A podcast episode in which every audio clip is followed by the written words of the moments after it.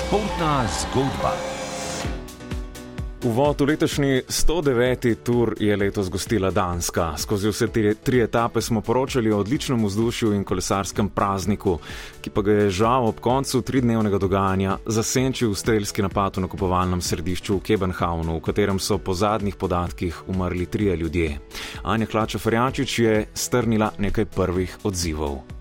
Kolesarska karavana je pretresena in izreka sožalje svojcem žrtev. Tur izreka danskemu narodu svoje sočutje in podporo, je eno ključnih sporočil uradne izjave organizatorjev kolesarske dirke po Franciji po strelskem napadu v danski prestolnici. Kebenhavn je kolesarje gostil na uradni predstavitvi ekipi na vodnem kronometru, kolesari so mesto vzeli za svoje, zdaj so v karavani pretreseni. Prizorišče tragičnega dogodka, nakupovalno središče Filc, je zelo blizu letališča in manj kot kilometr od Bela centra, kjer je bilo logistično središče vvoda v Tur. V zadnjih dneh smo na Danskem spremljali praznik kolesarjenja, športno navijanje, druženje, danes je država uvita v črno.